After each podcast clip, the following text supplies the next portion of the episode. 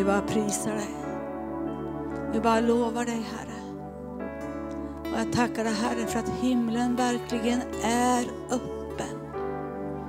Den är öppen. Den är öppen och du vill inget hellre än att våra hjärtan, våra själar ska få erfara din godhet emot oss. Din ovillkorslösa kärlek.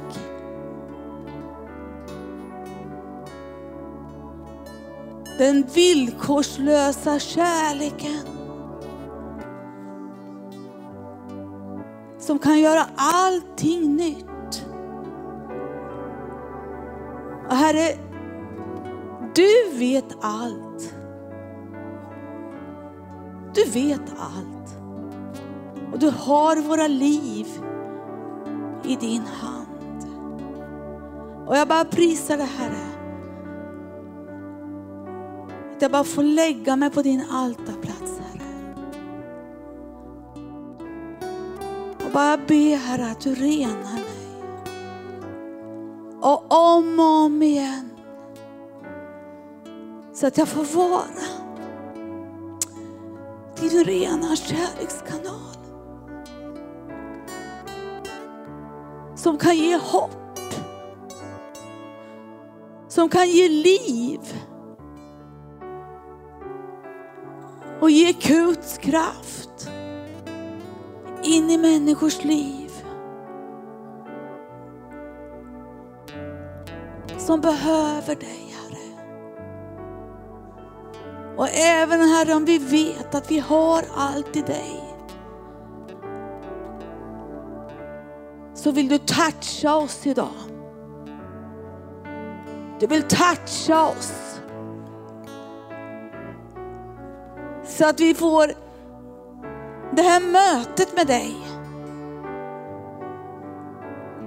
Så att vi inte bara går härifrån och tänker, ja, jag vet inte om det här var så bra. Men Herre, du vet att vi alla behöver en touch, en beröring av din villkorslösa kärlek, Herre. Jag bara ber, Herre, att du bara kommer och du lägger dina händer på var och en. För när du berör så är inte du närgången på ett felaktigt sätt, Herre. Utan du är, när du berör så är du så där närgången på det här mjuka sättet. Där du visar respekt och kärlek för dina älskade barn. Så jag bara tackar dig Herre att att vi bara ska få slappna av och bara vara inför dig den här stunden. Och jag ber Herre att det du har lagt på mitt hjärta Herre ska vara någonting som öppnar en ny dimension för oss var och en och för mig själv. I Jesu namn. Amen. Halleluja. Härligt att se att det är så många som kommer och vill lyssna på mig. Vad har jag att förmedla? Jag har ingenting i mig själv. Men jag känner en. Jag känner den levande Gudens kärlek. Och han vill inget hellre att, att du ska få bli berörd av den den här dagen.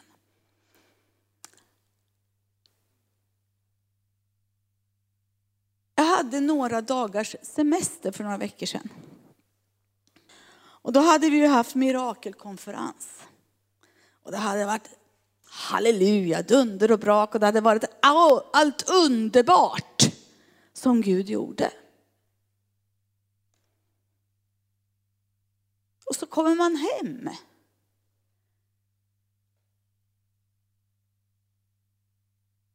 Och då har man ju varit igång både ande, själ och kropp under den här veckan. Och det har varit ljuvligt. Men så kommer man hem. Och då är det så här att jag som en person är en sån här fixare och görare. Jag håller på hela tiden. Men vet du, jag fick bara lägga mig i en vilstol ute i skuggan.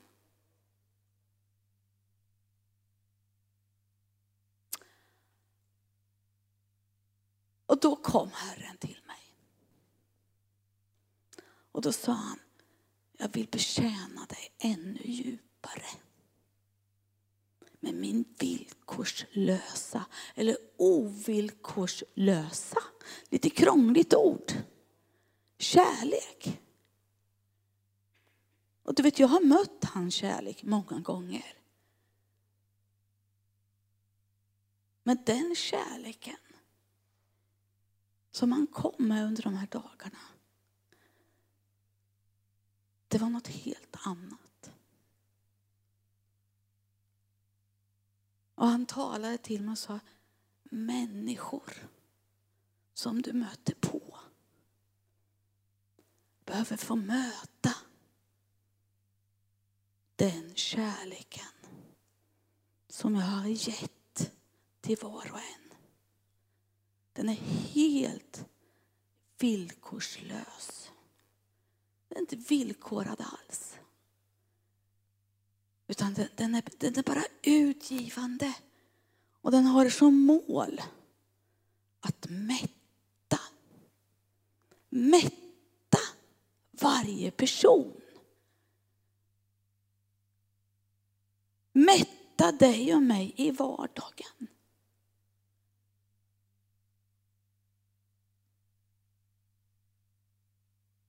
Och vet du, när den kärleken kommer,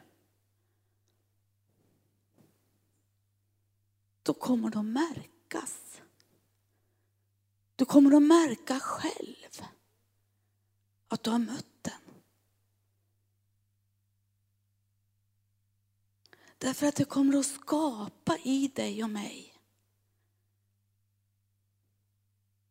en mjukhet och en förkrosselse.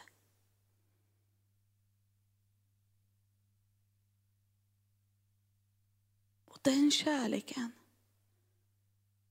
förmår ju sen att både hela och befria och upprätta.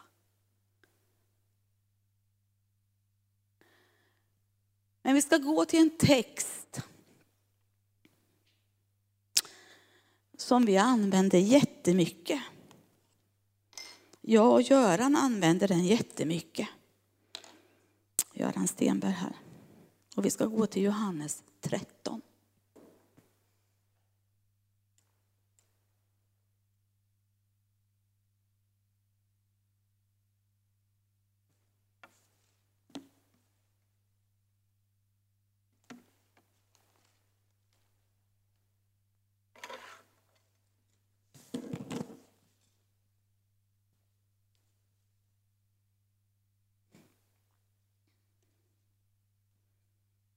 Så ska vi läsa från vers 1 till och med vers 17. Jesus tvättar lärjungarnas fötter. Det var strax före påskhögtiden. Jesus visste att hans stund hade kommit, att han skulle lämna den värld och gå till Fadern. Han hade älskat sina egna här i världen och han älskade dem in i det sista. De åt kvällsmåltiden och djävulen hade redan ingett Judas, Simon Iskariots son, tanken att förråda honom. Jesus visste att Fadern hade gett allt i hans händer och att han hade utgått från Gud och skulle gå till Gud. Han reste sig från bordet, la av sig mantel och tog en linneduk som han knöt om sig. Sedan hällde han vatten i ett tvättfat och började tvätta lärjungarnas fötter och torkade med, med handduken som han hade runt midjan. När han kom till Simon Petrus sa denne till honom, Herre ska du tvätta mina fötter? Jesus svarade, vad jag, förstår, eh, vad jag gör förstår inte du nu, men längre fram ska, kommer du att förstå. Petrus sa, aldrig någonsin ska du tvätta mina fötter.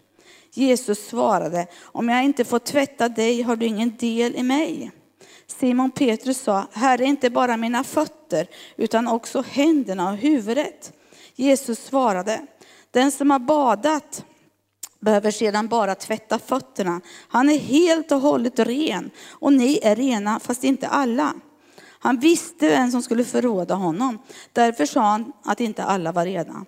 När han sedan tvättat deras fötter och tagit på sig manteln och lagt sig till bords igen sa han till dem, förstår ni vad jag har gjort med er? Ni kallar mig mästare och herre och det är med rätta, för det är jag. Och nu, jag er herre och mästare, har tvättat era fötter, så är också ni skyldiga att tvätta varandras fötter. Så är ni också skyldiga att tvätta varandras fötter. Jag har gett er ett exempel för att ni ska göra som jag har gjort emot er. Jag säger er sanningen, tjänaren inte för mer än sin herre och budbäraren inte större än den som har sänt honom. När ni gör detta, saliga är ni när ni också gör det. Här talas det om att Jesus, han hade älskat lärjungarna hela tiden. Och han hade älskat dem eh, hela vägen av deras tid de hade vandrat med Herren. Och det var ju han som hade kallat dem och dragit dem nära honom. Och eh, han, han visar här också att han kommer att älska dem in i det sista. Alltså in i det sista. Vad menar jag med det? Jo, det jag menar är att eh,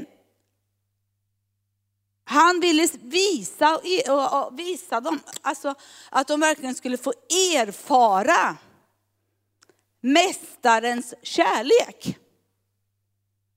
Att han var en mästare, det sa de ju själva. Men mästarens kärlek var den kärlek som de egentligen hade varit bärare av hela tiden. När de hade vandrat med honom. Men de förstod inte det. Utan de tänkte många gånger utifrån sitt eget förstånd. Alltså det han gjorde här, det var att han chockerade dem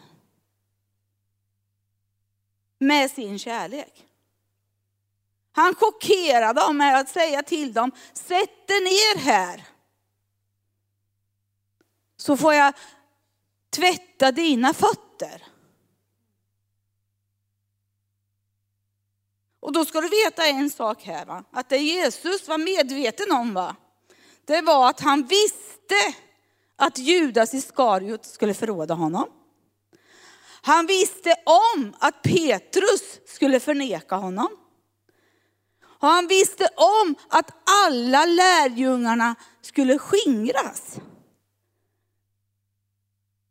Men ändå är jag övertygad, för jag har mött den kärlek, den kärleken.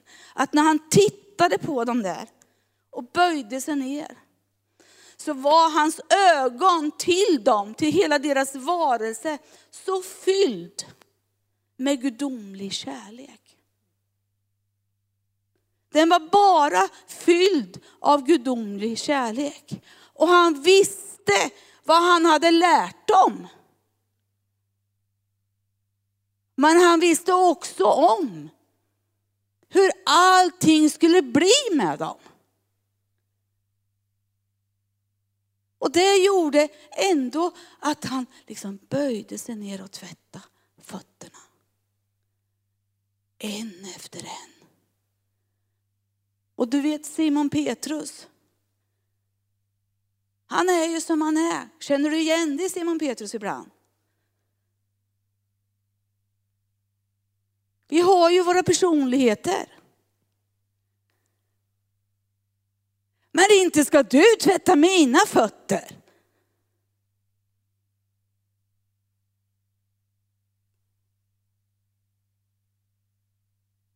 Jo.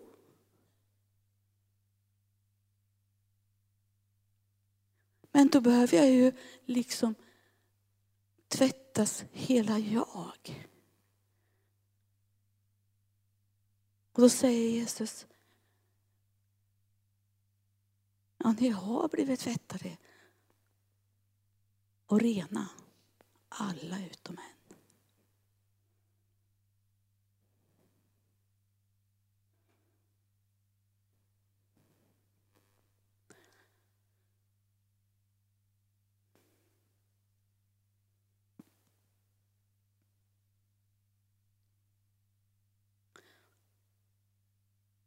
Han älskade dem hela tiden.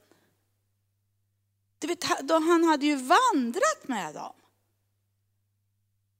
Hela tiden, i tre års tid. Och det var ju den här kärleken som hela tiden var utgivande till dem. Men de hade inte förstått helt och hållet vad det var Jesus skulle göra för dem. Men han gick från den ena till den andra där och tvättade dem. Och så ger han ett uppdrag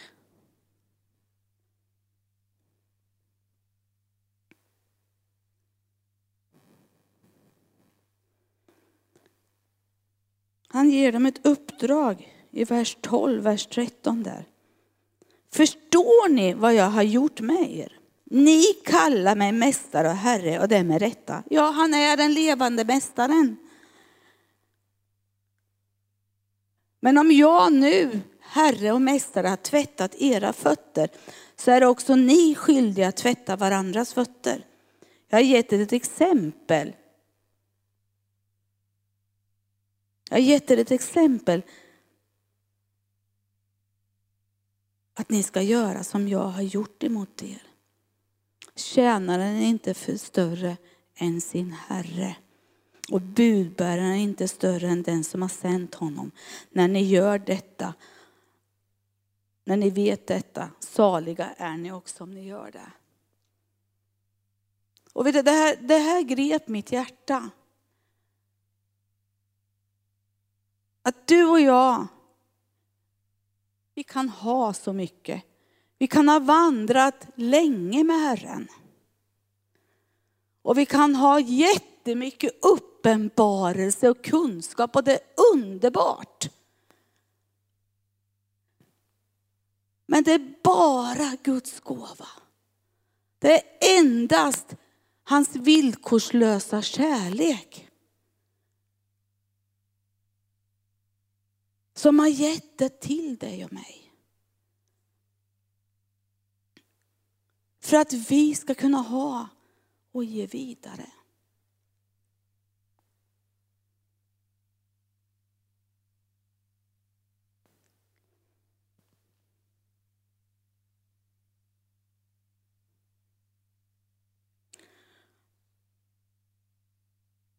Och det här handlar ju om att de hade inte förtjänat det.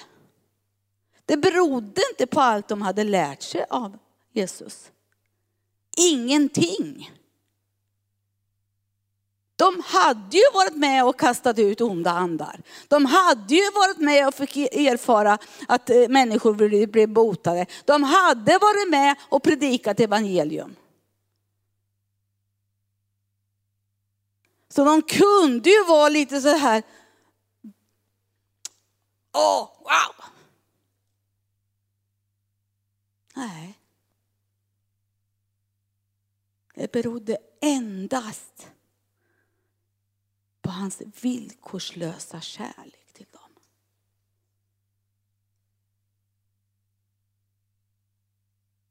Och den här villkorslösa kärleken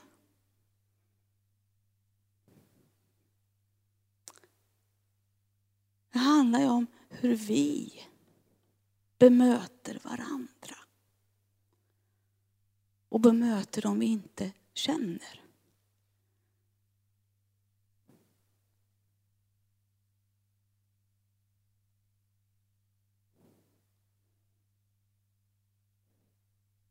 Och jag fick liksom, Gud visade mig så här. Anita, du kan bli ännu bättre i närvaron av mig till att bemöta människor.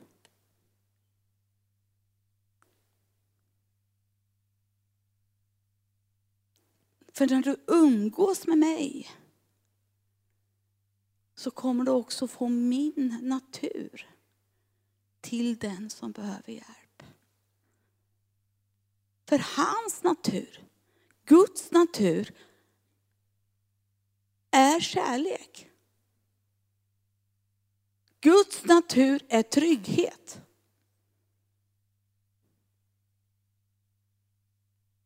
Och Jesus, när han mötte människor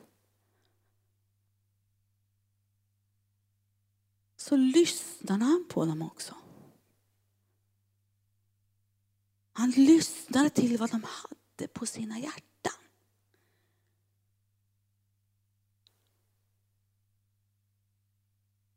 Och jag fick liksom komma, komma till Gud här och säga, förlåt Gud, hjälp mig att bita mig i tungan.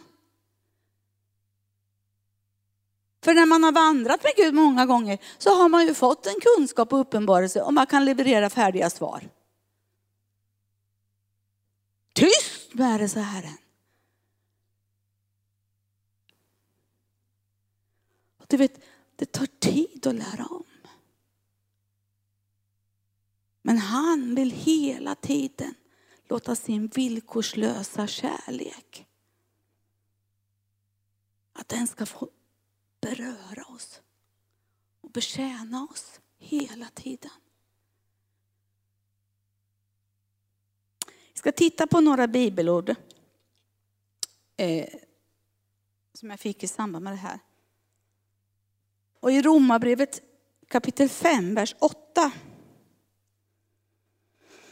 så står det så här. Men Gud bevisar sin kärlek till oss genom att Kristus dog för oss medan vi ännu var syndare.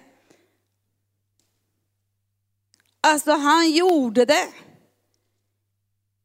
innan det fanns något i oss som förtjänade det. Innan det fanns någonting i oss som förtjänade det.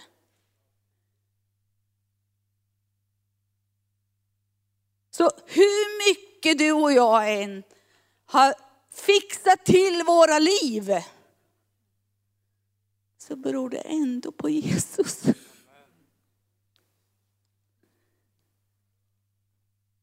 Och tack och lov, vi är inga syndare längre. Utan vi är rättfärdiggjorda.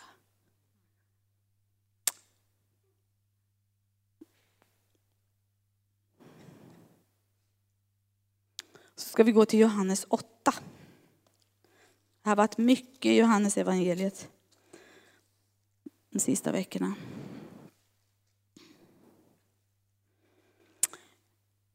Ska vi läsa från vers 1 till och med vers 10. Jesus och äktenskapsbryterskan. Sedan, eh, sedan gick var och en hem till sitt. Jesus gick till Olivberget. Tidigt på morgonen var han tillbaka på tempelplatsen. Alla allt folket samlades omkring honom och han satte sig ner och undervisade dem. Då förde de skriftlärde och fariseerna dit en kvinna som hade blivit gripen för äktenskapsbrott. De ställde henne i mitten och sa, Mästare, den här kvinnan greps på bar gärning när hon begick äktenskap. I lagen har Mose befallt oss att, att stena sådana. Vad säger du då? Det sa de för att de ville pröva honom och få något att anklaga honom för. Men Jesus böjde sig ner och började skriva med fingret på marken. När de fortsatte att fråga honom reste han sig och sa, den av er som är utan synd kan kasta första stenen på, på henne. Sedan böjde han sig ner igen och skrev på marken. När de, när de hörde detta började de gå därifrån, en efter en, den äldste först. Han blev lämnad ensam kvar med kvinnan som stod där. Jesus reste sig upp och sa till henne, kvinna, vad är det? var är det? Har ingen dömt dig? Han svarade, nej herre. Då sa Jesus, inte heller jag dömer dig. Gå och synda inte mer. Här bemötte de skriftlärda och de fariseerna inte med villkorslös kärlek. De bemötte henne med att hon skulle, hon skulle stenas. De ansåg att det var det lagen sa.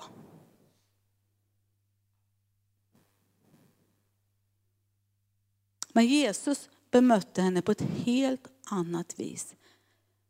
Med den totala villkorslösa kärleken bemötte han henne. Jag tycker det är så fint där. Han bara satt kvar. Och den ena efter den andra bara fick stroppa av. För de insåg att de var inte felfria.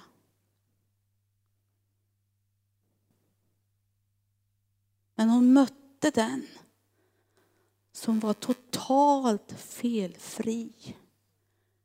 Som fick betjäna henne med den villkorslösa kärleken. Hon fick sina synder förlåtna.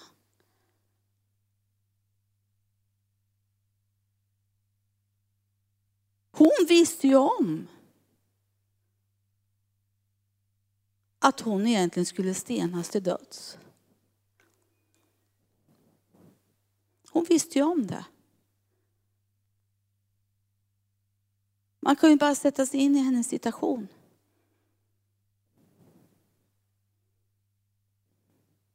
Och hur många gånger har inte du och jag anklagat oss själva för misstag som vi har gjort i våra liv? Och trott att straffet skulle gå över oss.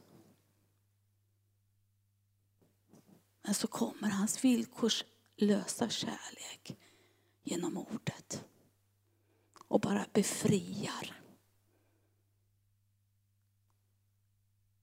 Och bara löser ifrån alla anklagelser som djävulen försöker sätta på oss. Det är äkta kärlek ifrån Herren.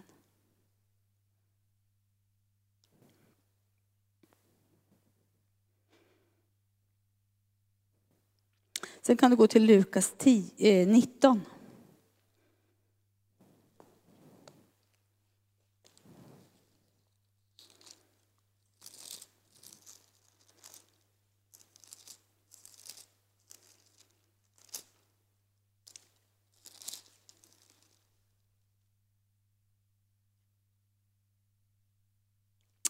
Så ska vi läsa från vers 1 till 10.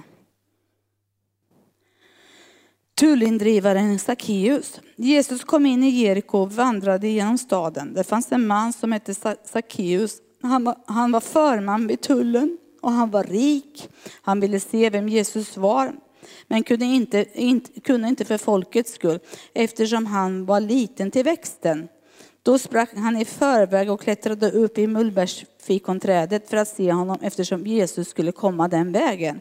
När Jesus kom, kom till det stället såg han upp och sa till honom, Sackeus, skynda, eh, Sackeus skyndade ner och eh, Sackeus skyndade ner för idag måste jag få gästa i ditt hem.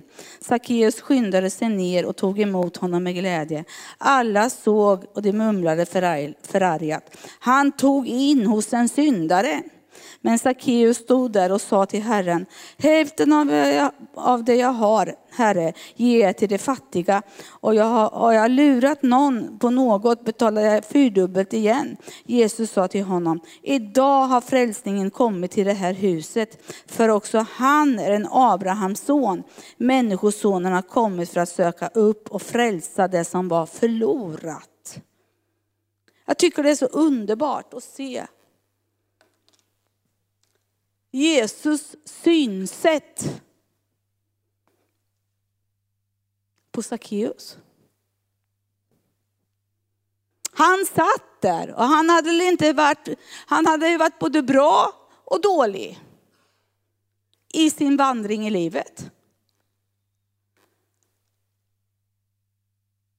Och liksom klättra upp där i träd för att se Jesus. Och så säger Jesus, den villkorslösa kärleken. Idag ska jag besöka ditt hem. Och det här var ju inte accepterat. Han var ju en syndare. Han hade ju syndat. Men Jesus sa, det här är en Abrahams son. Idag ska han få möta frälsningen. Och jag tänker så många gånger så här att de människor vi möter på.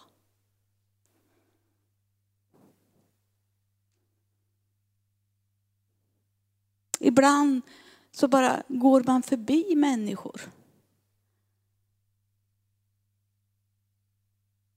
Men Gud liksom kom och talade till Anita. När du har mött min villkorslösa kärlek så kan du säga ett uppmuntrande ord till dem du möter på.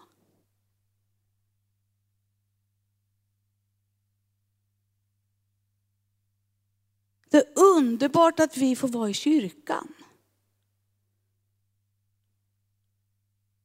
Men vi måste också se de som är utanför kyrkan.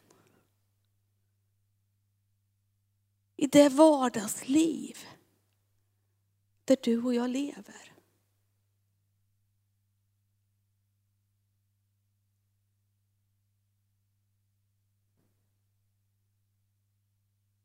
Jag har en granne, förstår ni,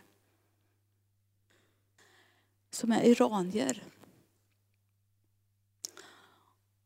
Och när han, när han eh, bodde i Iran så jobbade han som advokat.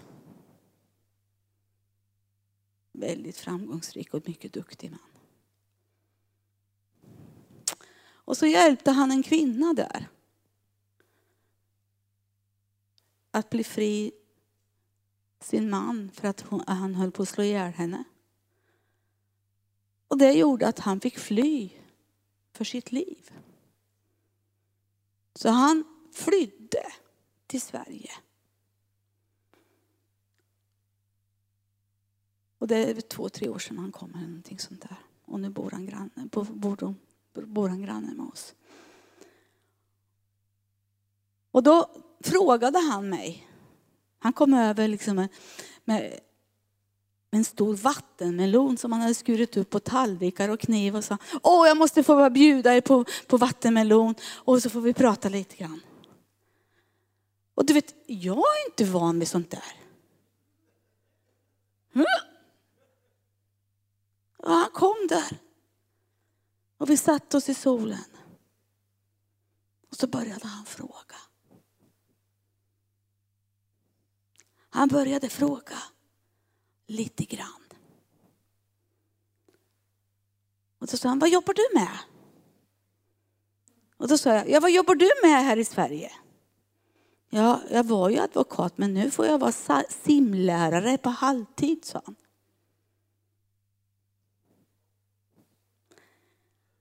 Och då sa jag, jo vet du, jag jobbar i församlingen Arken. Jaha, är det, är det en kyrka, är det en luthersk kyrka? Nej, det är, det, det är en fristående kyrka, sa jag. Som älskar Jesus, sa jag. Tittade han på mig. Jag spelar gitarr i en kyrka, om det var i Sundbyberg eller någonstans, sa han. Med jämna mellanrum. Och så sa han någonting.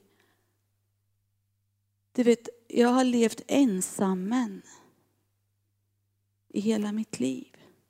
Så min gitarr har varit min tröst. Och så sa jag, är det du som spelar så vackert på kvällarna ibland? Ja.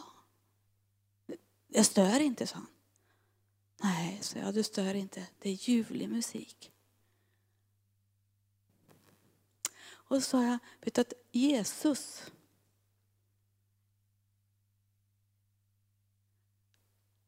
Han är vägen till Gud, till den enda Gud.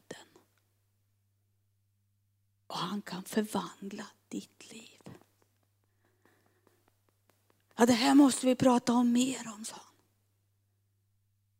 Men nu måste jag gå för jag ska åka iväg och jobba. Och du vet, den mannen vet jag att han kommer att bli frälst. Varför då? För att Jesus älskar honom med villkorslös kärlek.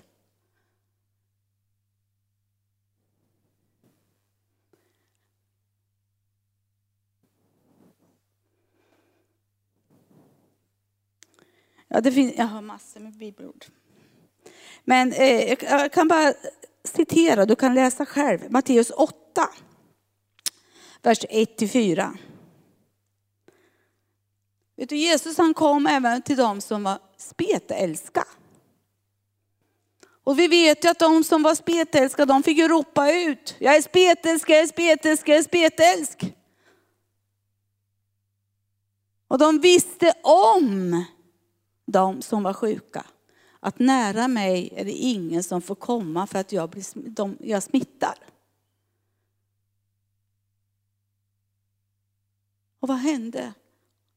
Den här personen gick fram och frågade Jesus, vill du göra mig frisk? Kan du bota mig? Och jag vill, sa Jesus. Jag vill.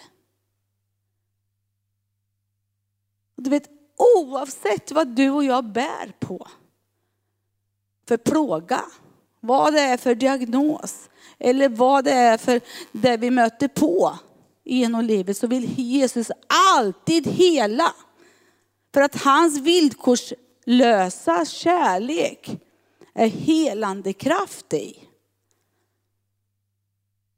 Den total förvandlar. Och den här personen vart ju fullständigt frisk.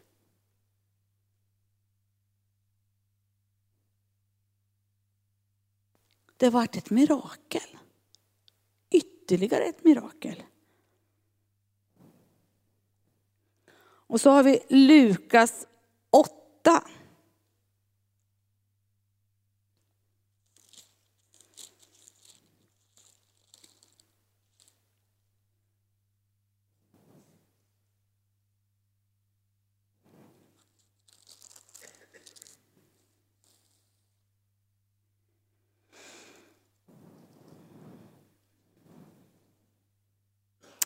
Handlar ju om eh, vi kan läsa från vers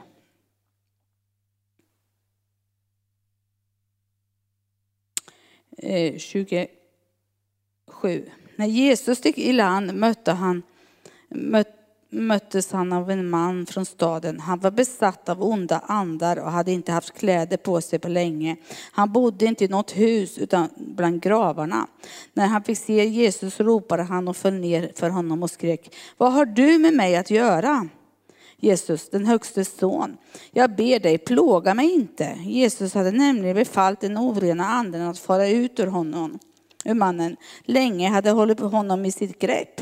Han hade varit bunden med kedjor och fotbojor och blivit bevakad, men hade slitit sönder bojorna och drivits ut i ödemarken av de onda andarna.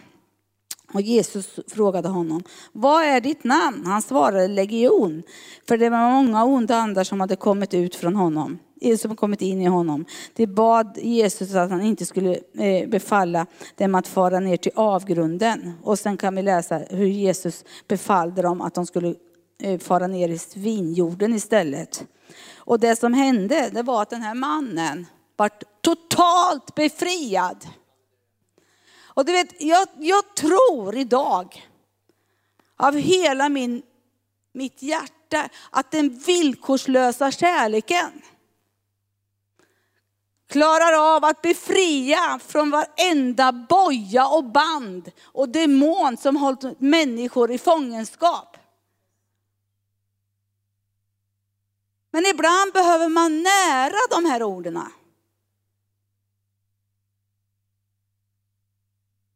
Så att tron får växa här inne. Så man kan handla på det. Men tänkte själv den här mannen. När han blev fri så vart han vid sina sinnens fulla bruk och hade kläder på sig. Fullt frisk och löst.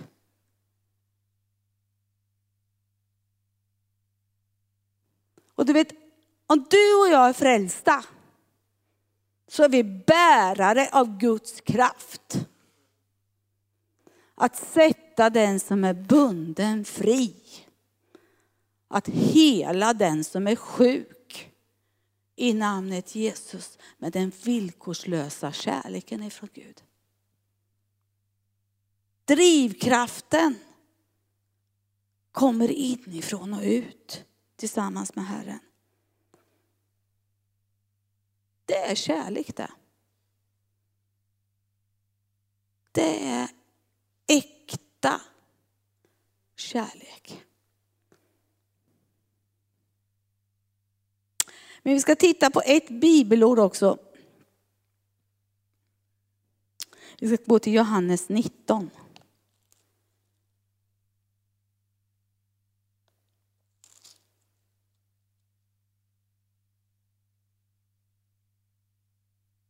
Det handlar ju om Jesu korsfästelse.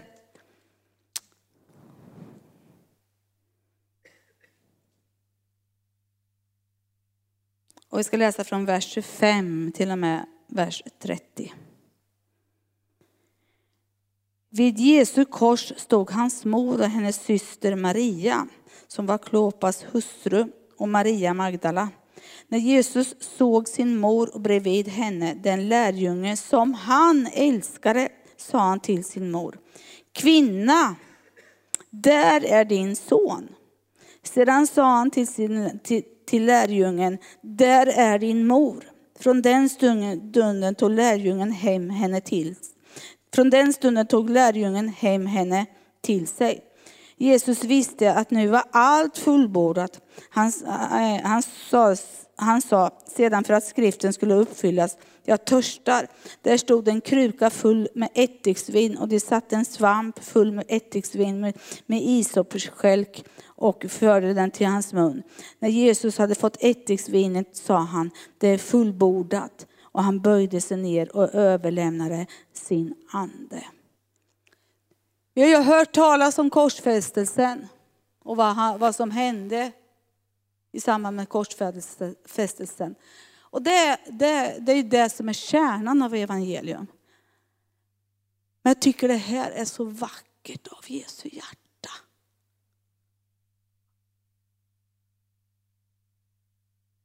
Utan han hade omsorg om sin gamla mamma.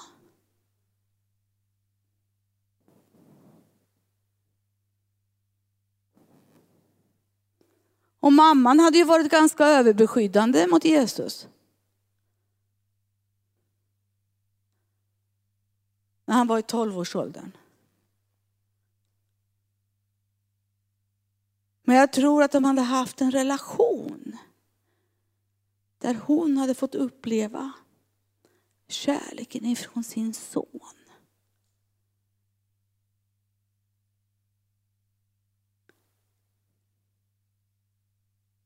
Och nu sa Jesus till den här lärjungen som Jesus älskade.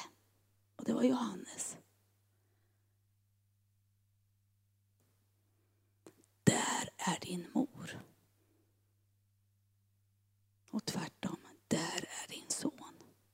Vilken kärlek! In i det sista. Du kan ju tänka dig när han hänger där på korset och är plågad.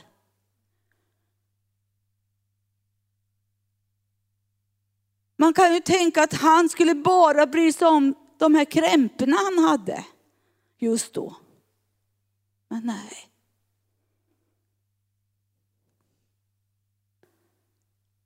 Och så fick han en svamp med ättiksvin som det står skrivet om. Därför att profetorden skulle gå i uppfyllelse. Jag törstar. Och så sa han orden, det är fullbordat. Och så dog han. Och ibland är det så här, vi läser det här om och om igen. Men det finns ett djup i det här. Om Guds kärlek till varje individ. Han gjorde det för att du och jag skulle få, få ett nytt liv som vi skulle kunna leva ut. Till varandra. Och framför allt till den vi min, alltså, som vi liksom kanske inte alltid går så bra ihop med. Dem ska vi älska ännu mer. Och det klarar vi av när hans kärlek är där.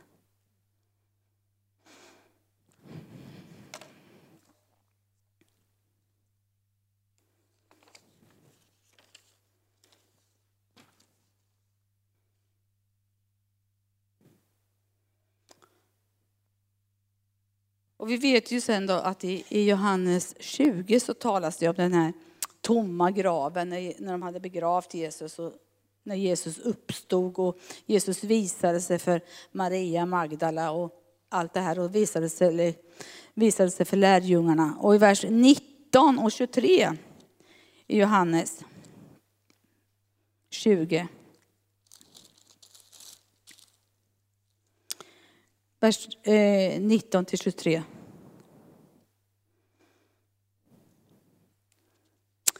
Jesus visar sig för sina lärjungar. På kvällen samma dag, den första veckodagen, var lärjungarna samlade bakom låsta dörrar av rädsla för judarna. Då kom Jesus och stod mitt ibland dem och sa, frid vare med er. När han hade sagt detta visade han sin, dem sina händer och sin sida och hans lärjungar blev glada när de såg Herren. Jesus sa, åt, eh, sa ännu en gång till dem, frid vare med er. Som sonen har sänt eh, har sänt mig sänder jag er. Sedan han sagt detta andades han på dem och sa, Ta emot den helige ande. Om ni förlåter någon hans synder så är de förlåtna. Om ni binder någon i hans synder så är han bunden. Här tycker jag är så fantastiskt. Vad är det Jesus gör? Han visar dem sin sida och visar sina händer. Och jag tror att han vill hålla det levande för dig och mig. Att vi kan se hans sårmärkta händer och hans uppstungna sida som handlar om att han bar all plåga för dig och mig och för alla människor. Och här vart ju lärjungarna glada då. Men Jesus sa, min frid ger jag er. Min frid ger jag er.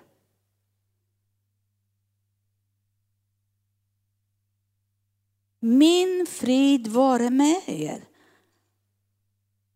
Som Fadern har sänt mig så sänder jag er. Jag tror inte de fattade det här.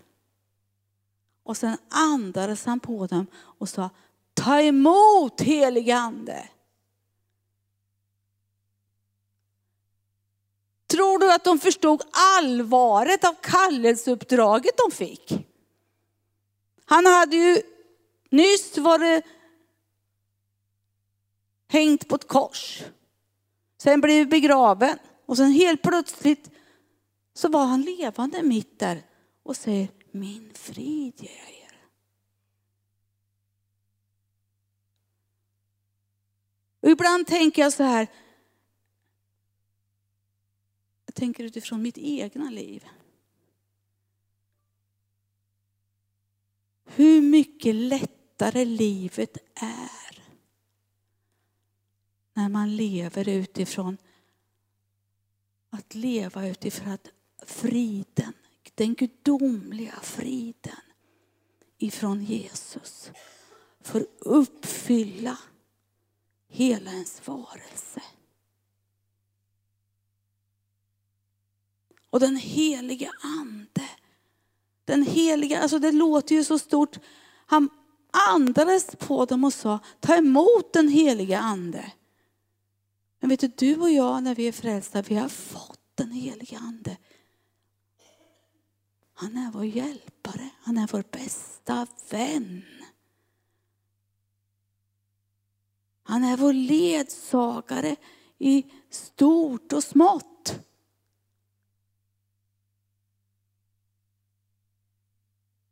Och jag sa till Herren, Herre hjälp mig att inte springa före.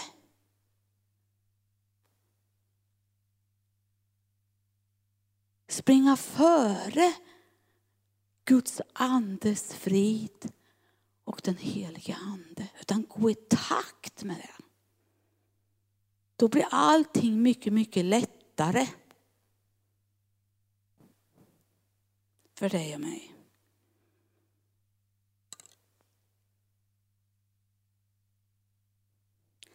Nu ska vi gå till eh, Johannes 21.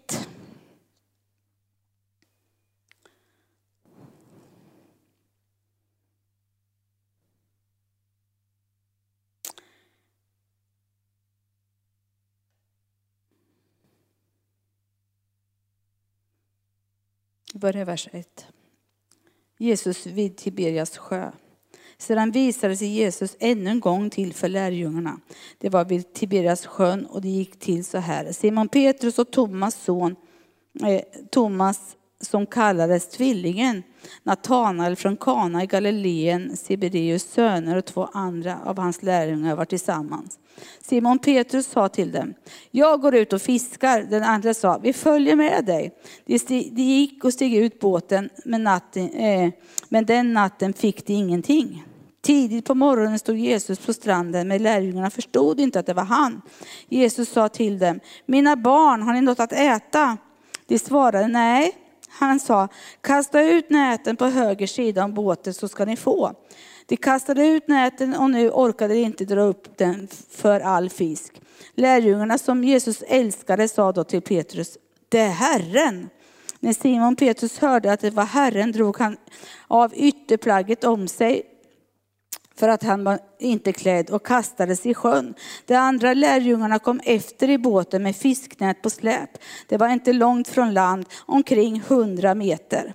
När, när de kom in i land fick de se en koleld och fisk som låg på den och bröd. Jesus sa till dem, bär hit fisken som ni fick nyss. Simon Petrus steg i båten och drog upp, upp den på land. Det var fullt av stora fiskar, 153 stycken. Och fast det var många gick näten inte sönder. Eh, Jesus sa till dem, kom och ät. Ingen av lärjungarna vågade fråga honom vem han var. De förstod att det var Herren. Jesus gick fram och tog bröd och gav dem och likaså fisken. Det var tredje gången som Jesus visade sig för lärjungarna efter att han uppstått från de döda. Alltså det här var ju tredje gången de hade mött honom. Va? Men de hade alla redan glömt bort andra gången. När han hade talat om dem, till dem om friden. Men här var han nu då. Det var att Jesus hade uppstått. Och de hade väl på något diffust sätt förstått att det fanns ett hopp framöver. Eh, men de förstod inte riktigt hur det här skulle bli och hur det skulle gå till. Va? Och de visste liksom inte riktigt det här att hur skulle vår framtid bli? Och Simon Petrus där, som var spontan och handlingskraftig. Han bestämde sig för, nej nu ger jag mig ut och fiskar för jag måste ha min försörjning klar. Det är ju ganska normalt att vi kan tänka så. Att vi måste ha vår försörjning klar. Eh, och de andra följde med. va? Och så gick de iväg ut och fiskade hela natten. Och fick inte ett enda napp. Inte ett enda napp. Eh. Och du kan ju tänka dig, vad ska jag då försörja mig av? Det naturliga är ju att vi faller tillbaka i det som vi är vanligt att få vår försörjning av. Men Gud är större. Han vill vara vår försörjare och kanske ge oss nya idéer. Eh. Och så står Jesus där på stranden och frågar dem. Mina barn, har ni ingenting att äta? Vilken villkorslös kärlek. Vilken villkorslös kärlek. Och de svarade, nej det har vi inte. Och så säger han det här, kasta ut på andra sidan. Och då ska du veta det här att det här var ju fiskarsnubbar. De visste vad det innebar att fiska. De hade fiskat många gånger tidigare och fått mycket. Och de visste att det fanns ingen fisk. Men de lyssnade Lyssnade. och handlade på hans instruktioner. Och det är lite grann det här ibland att du och jag, vi behöver lyssna inåt på hans instruktioner. För det är så många andra röster som talar om hur vi ska göra och inte göra. Och vad vi kan och inte förmår. Eller vad vi har gjort och dylikt. Och så kastar de ut nätena då. Och nu orkar de inte dra upp fisken ens, för det var överfullt. 153 stycken. Och den lärjunge som Jesus älskade, Johannes säger till Petrus, det är Herren.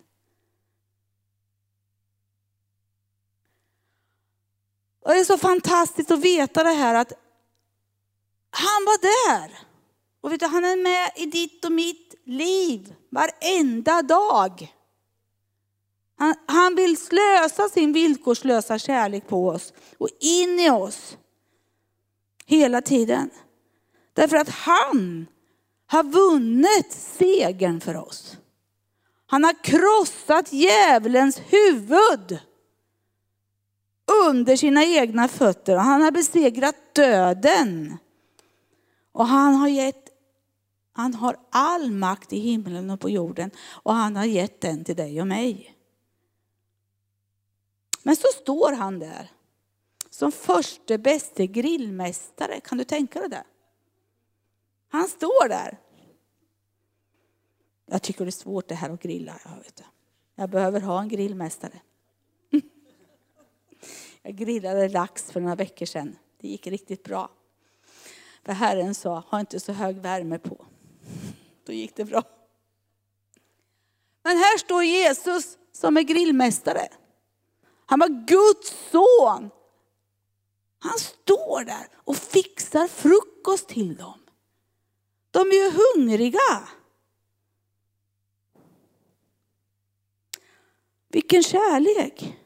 Och de var säkert trötta också om de hade jobbat hela natten.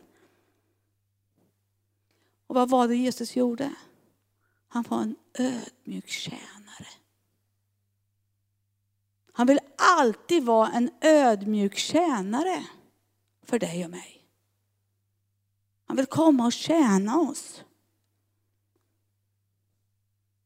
Och när den kärleken, liksom, när, han, när vi får erfara djupet av hans kärlek där, då kan man inte annat än älska honom tillbaka. Och du vet, den kärleken handlar ju inte om att, han, att jag bara säger jag älskar dig Herre. Utan det handlar om att jag vill vara med honom. Jag vill vara med honom hela tiden. För det är det enda som kan mätta Och det är också så här att det är bara den kärleken som kan mätta dig och mig, som kan göra att vi kan sluta upp och sträva. Alla de här kraven som vi lägger på oss själva.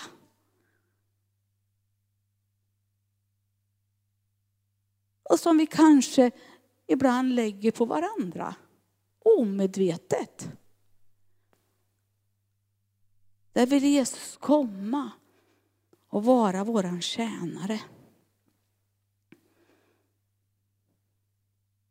Och du vet, i den här situationen va, så var det så att han ville tjäna dem och han ville vara som en far för dem. Och vad var det de behövde? De behövde endast fisk och bröd så att de vart mätta. Och eh, han bryr sig om minsta detalj liksom. Det var inte ett dugg andligt, det var ju mat det handlade om. Och han hade gett dem en mirakelfångst som gjorde att ekonomin var avklarad en tid framöver.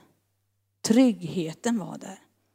Och du kan ju tänka dig så här, va? att det, om du sätter dig in i det här med lite bild.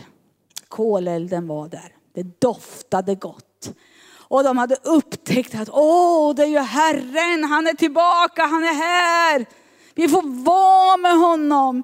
Och vi myser och vi är glada och det bubblar av glädje och skratt mitt ibland dem. Kan du känna av atmosfären?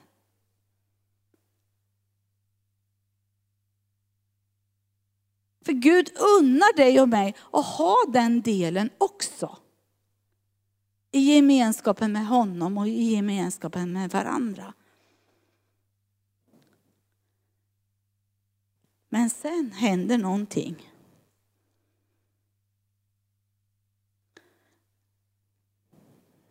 Det som hade varit så lättsamt och så uppslukat och så underbart och så härligt. Helt plötsligt så var det som om luften var som en tjock Andäkt i helighet av Herren där.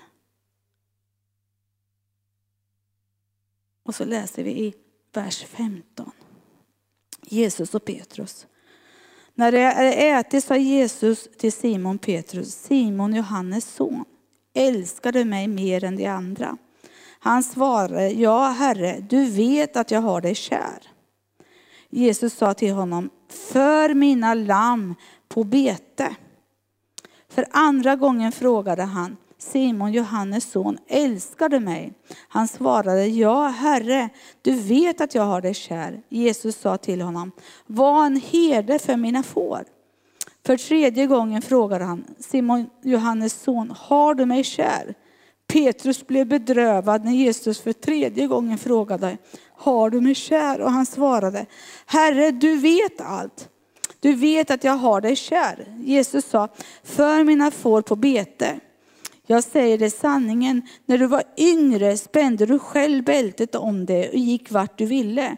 Men när du, blir, när du blir äldre ska du sträcka ut dina händer och en annan ska spänna bältet om dig och leda dig dit du inte vill. Detta sa han för att ange vid vilket död Petrus skulle förhärliga Gud. Sedan sa han till honom, följ mig. Petrus vände sig om och såg att lärjungen som Jesus älskade följde efter han som vid måltiden hade lutat sig mot Jesus bröst och frågat, Herre, vem är det som ska förråda dig? När Petrus såg honom frågade han Jesus, Herre, hur blir det med honom? Jesus svarade, om jag vill att han ska vara kvar tills jag kommer, vad rör, du, vad rör det dig? Följ mig. Här ser vi ju att eh, Simon Petrus, han fick alltså förfrågan tre gånger av Herren. Och det handlar om att älskar du, älskar du mig mer än alla andra? Och Simon Petrus svarade, ja Herre, du vet att jag har dig kär. Och så fick han kallelseuppdraget. Föd mina lamm. Och vad är lamm för något? Det är de yngsta av de som kommer till tro på Herren. Som behöver andlig föda, som behöver kärleksmjölken, som behöver få dia av kärleken. Och du och jag kan inget göra om vi inte har diat kärleksmjölken först. Och så frågade han andra gången, älskar du mig? Han svarade, ja du vet att jag har dig kär. Var en herde för mina får.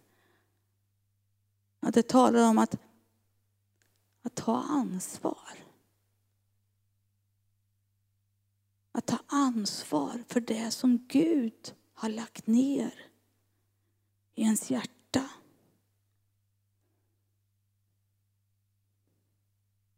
Och så tredje gången så var han ganska bedrövad, Petrus. Och så säger han, du vet allt. Ja, Jesus visste att Petrus hade förnekat honom tre gånger. Han visste att han hade svurit och förbannat.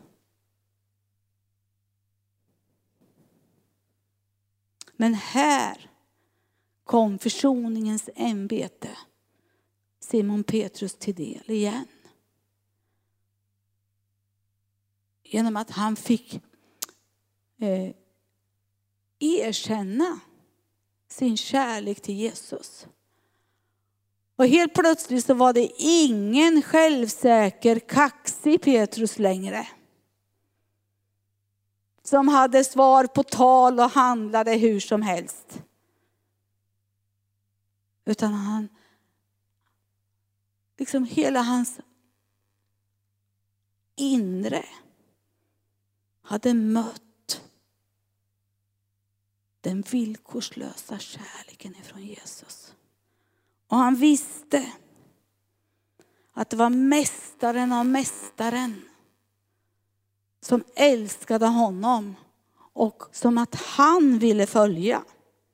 Han var helt övertygad i både ande, själ och kropp. Det var ingenting som stod i vägen emellan Petrus inre och Jesus. Hela hans varelse sa ja. Det sa ja till Jesus.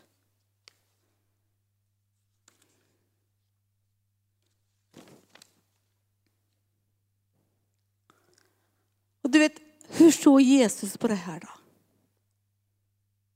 Han såg gensvaret i hela Simon Petrus inre. Att han älskade Jesus. Och du vet, han klarade av den anställningsintervjun som Jesus hade gett honom. Och det är likadant med, med dig och med mig. Hela tiden handlar det om att vi gensvarar till den villkorslösa kärleken så vi kan älska Herren tillbaka. Så kommer han att leda oss in i det som han har ämnat för oss.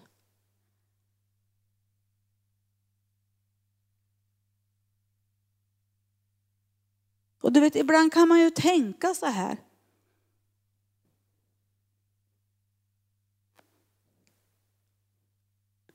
Vad ska jag göra med resten av mitt liv?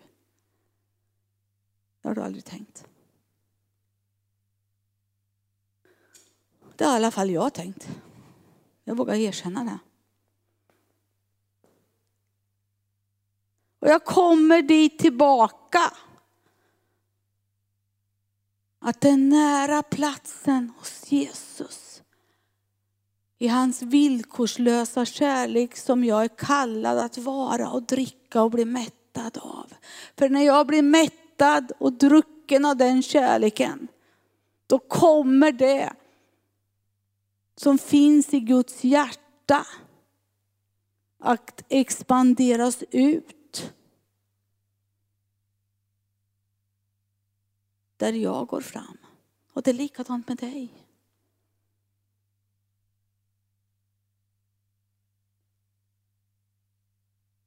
Men vi behöver veta om den här delen av att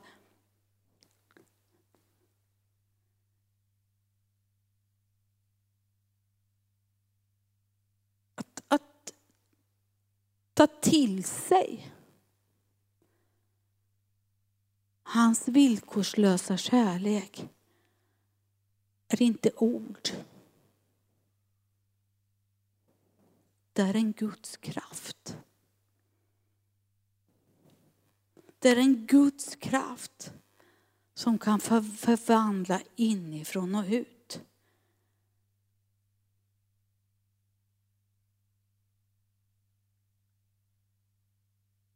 Och när jag möter Guds kärlek, alltså Guds villkorslösa kärlek, då kan jag bara vara där. Jag bara kan vara med honom. Och jag bara kan känna att han bara uppfyller mig mer och mer. Och jag vet inte riktigt vad som händer. Jag vet bara att jag har mött honom. Och jag tror, varför vill han det? Jo, för vi lever i en sån stressad värld idag. Där vi har så mycket krav. Och vi ska vara så präktiga och vi ska vara så duktiga med en det ena än det andra. Men det handlar inte om det, det handlar om han. Som kan mätta oss med sin villkorslösa kärlek. Så att vi får kraften och förmågan ifrån honom. Och då måste man behöva, eller man behöver stanna upp och få ta del av den. Så att den får hela, befria och upprätta. Amen. Nu stannar vi här. Det var en 45 minuters predikan. Jag har klockan. Nu ska vi ha lite lovsång och nu ska vi ha lite betjäning också.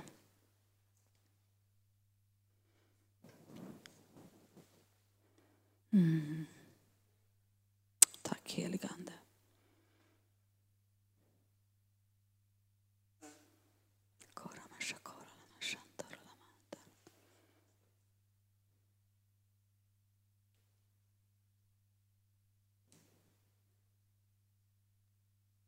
Om du finns här och bär på mycket, liksom bär på en del fruktan för hur ditt liv ska bli, så vill Herren lösa dig ifrån det. Och han vill fylla på med sin kärlek.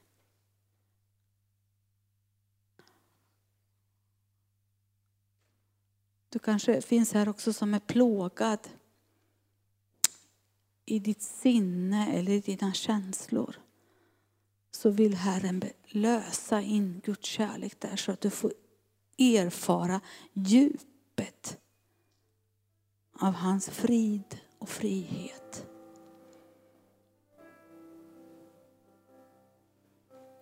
Och det finns också här som har plågor i din kropp. Herren vill hela dig.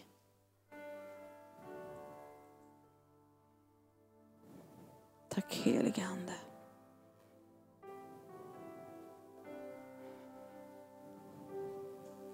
Det finns också här som bär på ångest, panikångest. Och oro. Heligande kom.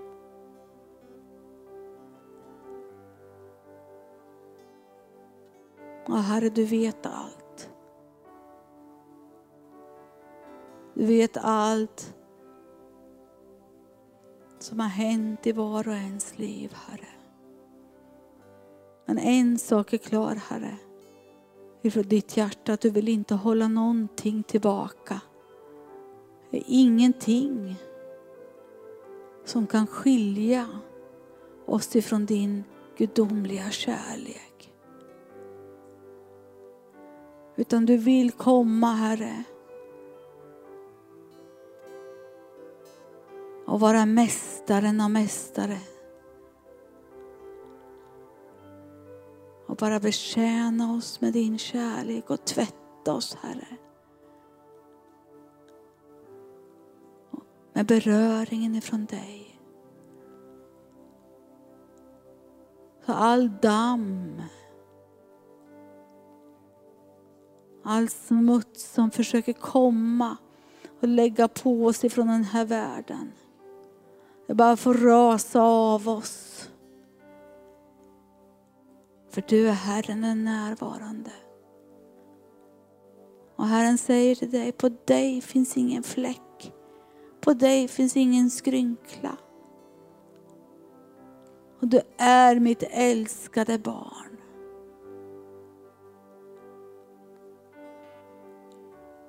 Och jag är din himmelske far även när du inte känner att jag är nära. Då är jag ännu mer din himmelske fader. Och jag vill lyfta upp dig i mina faders armar. Och jag vill lösa upp de här sorgeknutarna som finns på din insida. Så orgen, sorgen får släppa. Och kärleken får hela. Från allt som har gått sönder i självkänslan. Jag bara ber helige Ande. Att du bara vidrar Herre. Och Herre, all oro som kan finnas i själ och kropp, Herre.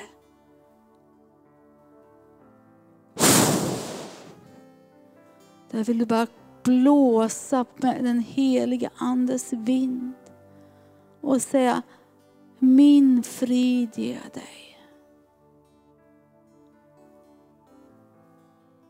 Och det får tränga in i djupet av hela din varelse.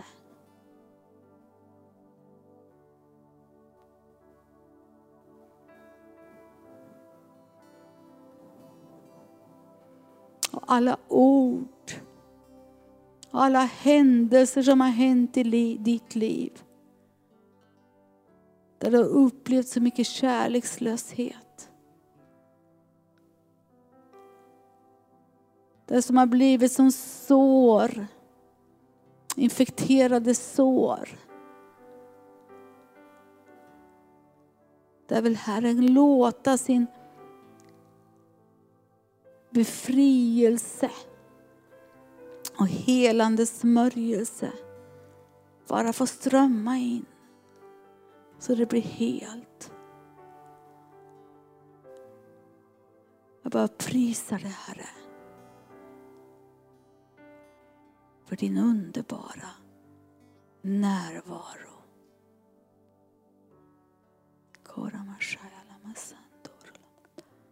Mm, tack Herre.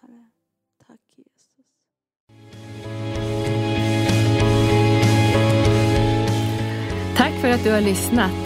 Vill du få del av mer information om församlingen Arken, vår helande tjänst, bibelskola och övriga arbete, gå in på www.arken.org.